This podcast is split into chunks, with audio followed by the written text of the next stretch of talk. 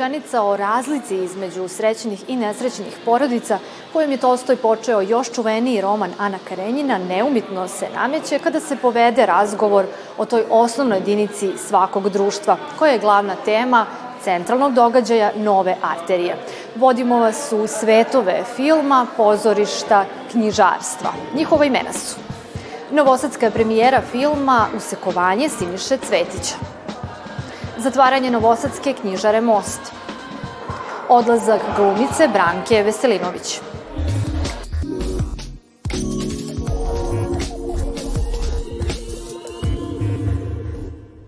Posle domaće predpremijere na Kustendorfu i premijere na festivalu u Sopotu, filmsko ostvarenje Usekovanje, sinoć je videla Beogradska, a ove večeri i Novosadska publika. Deo autorske ekipe pozdravio je publiku sa crvenog tepiha u areni Cineplex, a odatle su stigli u goste reditelj Siniša Cvetić i glumac Pavle Mensov. Dobrodošli i čestitke na premijeri. Hvala puno. Da li je trenutak za porodično okupljanje Slava Jovandan jedini razlog za naslov filma ili ste se odlučili da jedan biblijski motiv o stradanju svetog Jovana Krstitelja transponujete u sadašnji trenutak? Zapravo, moj scenarista David i ja smo, kada smo pisali scenariju, kada smo smišljali, razvijali ideju, mi smo zapravo seli i pogledali spisak svih slava koje postoje u Srbiji i onda smo ovaj, uh, uh, našli usekovanje, ta reč nam se svidela kako zvuči i šta znači, nekako je napeto, malo onako mračno, surovo usekovanje u stvari znači odrubljivanje glave. Tako da smo na osnovu toga zapravo izabrali koja će slava biti. Ovo je moj debitanski film. Mi smo ovaj, imali zapravo premijeru u Sopotu, gde smo dobili nagradu publike. Posle toga smo imali uh, premijeru u Moskvi na internacionalnom festivalu. Tu smo zapravo dobili nagradu za najbolju režiju i isto nagradu publike. Posle toga smo imali film u Nišu i tamo tri nagrade i tako dalje. Uglavnom da je god nam je bio film, dobili smo neku nagradu, što je super i jako sam ponosan i drago mi je da to sve tako ispalo na kraju jer ovaj, dosta smo se trudili da sve to bude što bolje i eto. Vaš film je scenski i vremenski, veoma sveden i fokusiran na otkrivanje porodičnih tajni. Zašto ste se odlučili da to bude glavni motiv ovog filma? Razmišljali smo kako da napravimo što brže zapravo u profesionalnim oslovima dugometražni film. I onda smo nekako gledali da produkcijski uslovi budu što svedeniji, da ovaj, to ne bude neki, da kažemo, ekstremno skup film ili nešto što je u produkcijskom smislu veliki izazov. Nego smo hteli da se fokusiramo na likove, na njihove odnose i na tu dramu. Ja verujem da nije bitno da li se film dešava ispred kapija Mordora ili u nekom stanu na Medaku. Ovaj, ono što drži film i priču su odnosi između inaka i kako su ti likovi napisani i izrežirani. Da li ste za uzor imali hollywoodske blockbustere porodičnog Thanksgiving žanra? E, mi smo sve vreme imali to kao neku referencu i gledali smo te filmove. Uh, Thanksgiving filmove ima, na primjer, i rumunski film Sierra Nevada, gde se porodica okuplja za 40 dana. Ovaj, to je parastos, valjda, jel? Ovaj, tako da, mislim, postoji taj žanar, mi smo se definitivno to, toga bili svesni, ali nismo napravili zbog toga. Mislim, meni jesu lično interesantni film u jednom prostoru i kako su ti ljudi onda suočeni jedni sa drugima, kao da ne mogu da se izvuku odatle. Ali da, ovaj, mi smo onako dobro istražili taj podžanar i ovaj, pokušali da napravimo nešto što je po uzoru na to, ali opet originalno i drugačije. Zašto je najmlađi član porodice Jovan koga tumačite crna ovca i koje tajne on krije od ostalih ukućena? U trenutku u kom ga vidimo u filmu, on gaji neke nesigurnosti i neke strahove koji ga na neki način uh, uh, udaljavaju od porodice i od života, tako da mislim da je zapravo njegov utisak u samom sebi da je crna ovca. I šta krije od ostalih ukućana? Pa krije između ostalog da se drogira, ali i, i dosta još nekih drugih stvari. Kako je bilo vaše iskustvo igranja u ovom filmu? Fenomenalno, iskreno, ovo je jedno od najlepših iskustava, ne u stvari jedno od najlepših iskustva koje sam do sada imao što se tiče rada na nekom televizijskom ili filmskom projektu. Ovaj, pre svega zato što sam po prvi put imao priliku da jedan autorski tim čine i jako mladi ljudi, ovaj, kad kažem jako mladi ljudi, mislim na svoju generaciju, zato što i David Jakovljević ima 20 i nešto godina, ja mislim dve, tri više nego ja. Siniša takođe 27 godina, ja kao glavni glumac u filmu 23, tako da je ta neka energija koju smo uspostavili od samog početka ovaj, meni, meni jako bila važna i jako mi je značajna.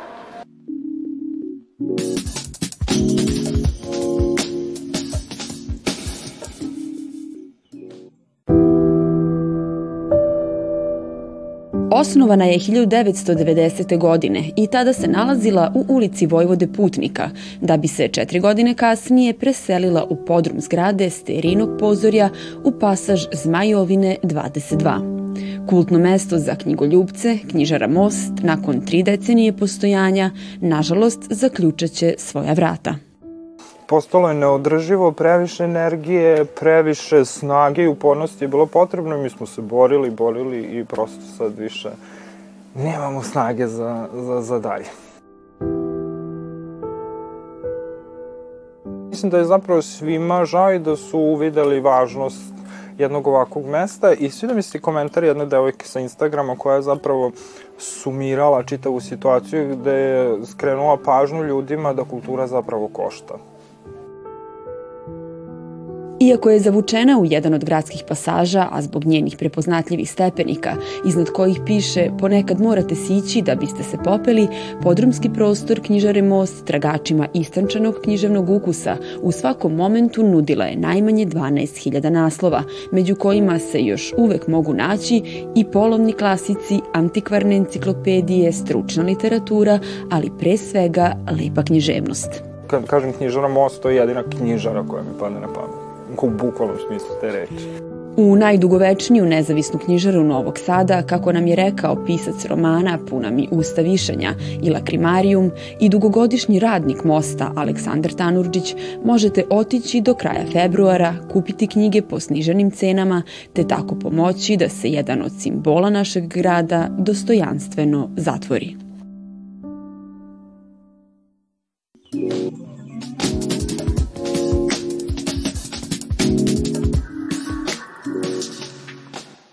Izvođenjem predstave Džandrljiv muž Jovana Asterije Popovića, koja se pred novosadskom publikom igra već 17 godina, Prvak drame Srpskog narodnog pozorišta Radoje Čupić obeležio je odlazak u penziju, ali ne i sa dasaka koje život znače.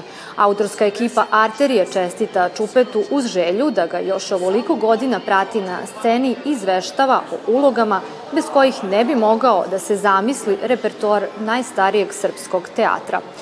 Radujemo se što ćemo i narednih godina uživati u posebnom glumačkom senzibilitetu i bogatom iskustvu doajena scene Radoja Čupića. On je toliko mlad duhom da valjda i zato svima nama deluje čudno što on ide u penziju. Zapravo e, sam e, najbolje upoznao Čupeta kad smo radili Džandrljivog muža. Jer tu smo nekako e, počeli da, kako kažem, dišemo isti vazduh, dišemo isti pozorišni vazduh. I to je stvarno bila jedna jedna divna saradnja i toliko smo se ovaj, sprijateljili na tom procesu i toliko smo uh, voleli i, i sam proces proba i naravno i sam sama činjenica da jedna predstava opstaje toliko dugo i da se igra toliko puno puta je uh, fenomenalna. To je nešto što mi, uh, kako kažem, gajimo, ali negujemo tu ekipu i tu predstavu kao jedan deo sebe, odnosno deo neke vlastite pozorišne, pozorišne porodice.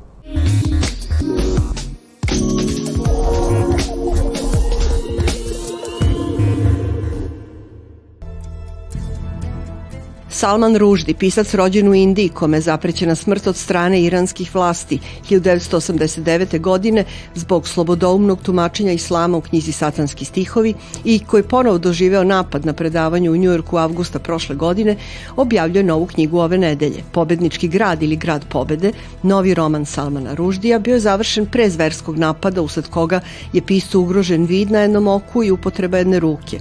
Radnja romana smeštena je u 14. vekovnu Indiju govori o ženi koja prkosi patrijarhalnom svetu kako bi vladala gradom.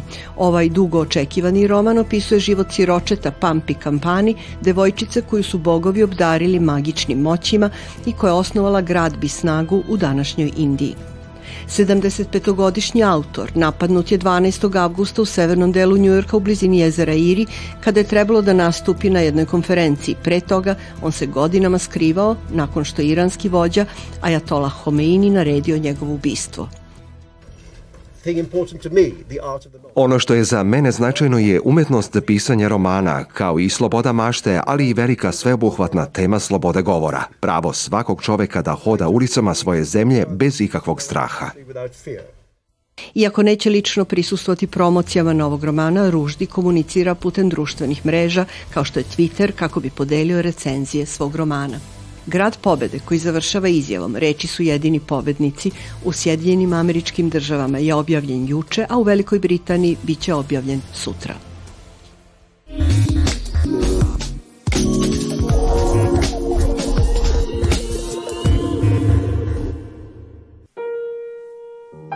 Samo treba imati dobru volju i humani odnos prema životu. Ako kažem životu, onda mislim i prema ljudima.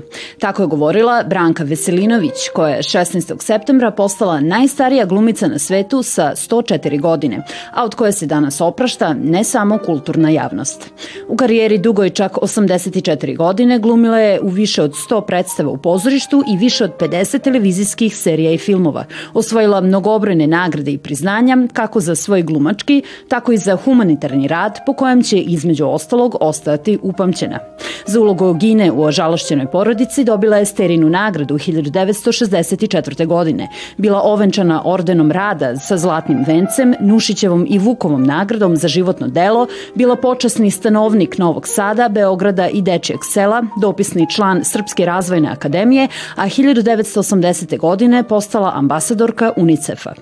Legat glumice koja je pokazivala veliki talenat za humor i satiru i brojnim se ulogama upisala u istoriju domaće glumačke scene, od 2018. godine nalazi se u Udruženju za kulturu, umetnost i međunarodnu saradnju Adligat u Beogradu, a u Amanet je osim svojih ostvarenja ostavila predanost i humanost umetnika kome ni godine nisu predstavljale prepreku.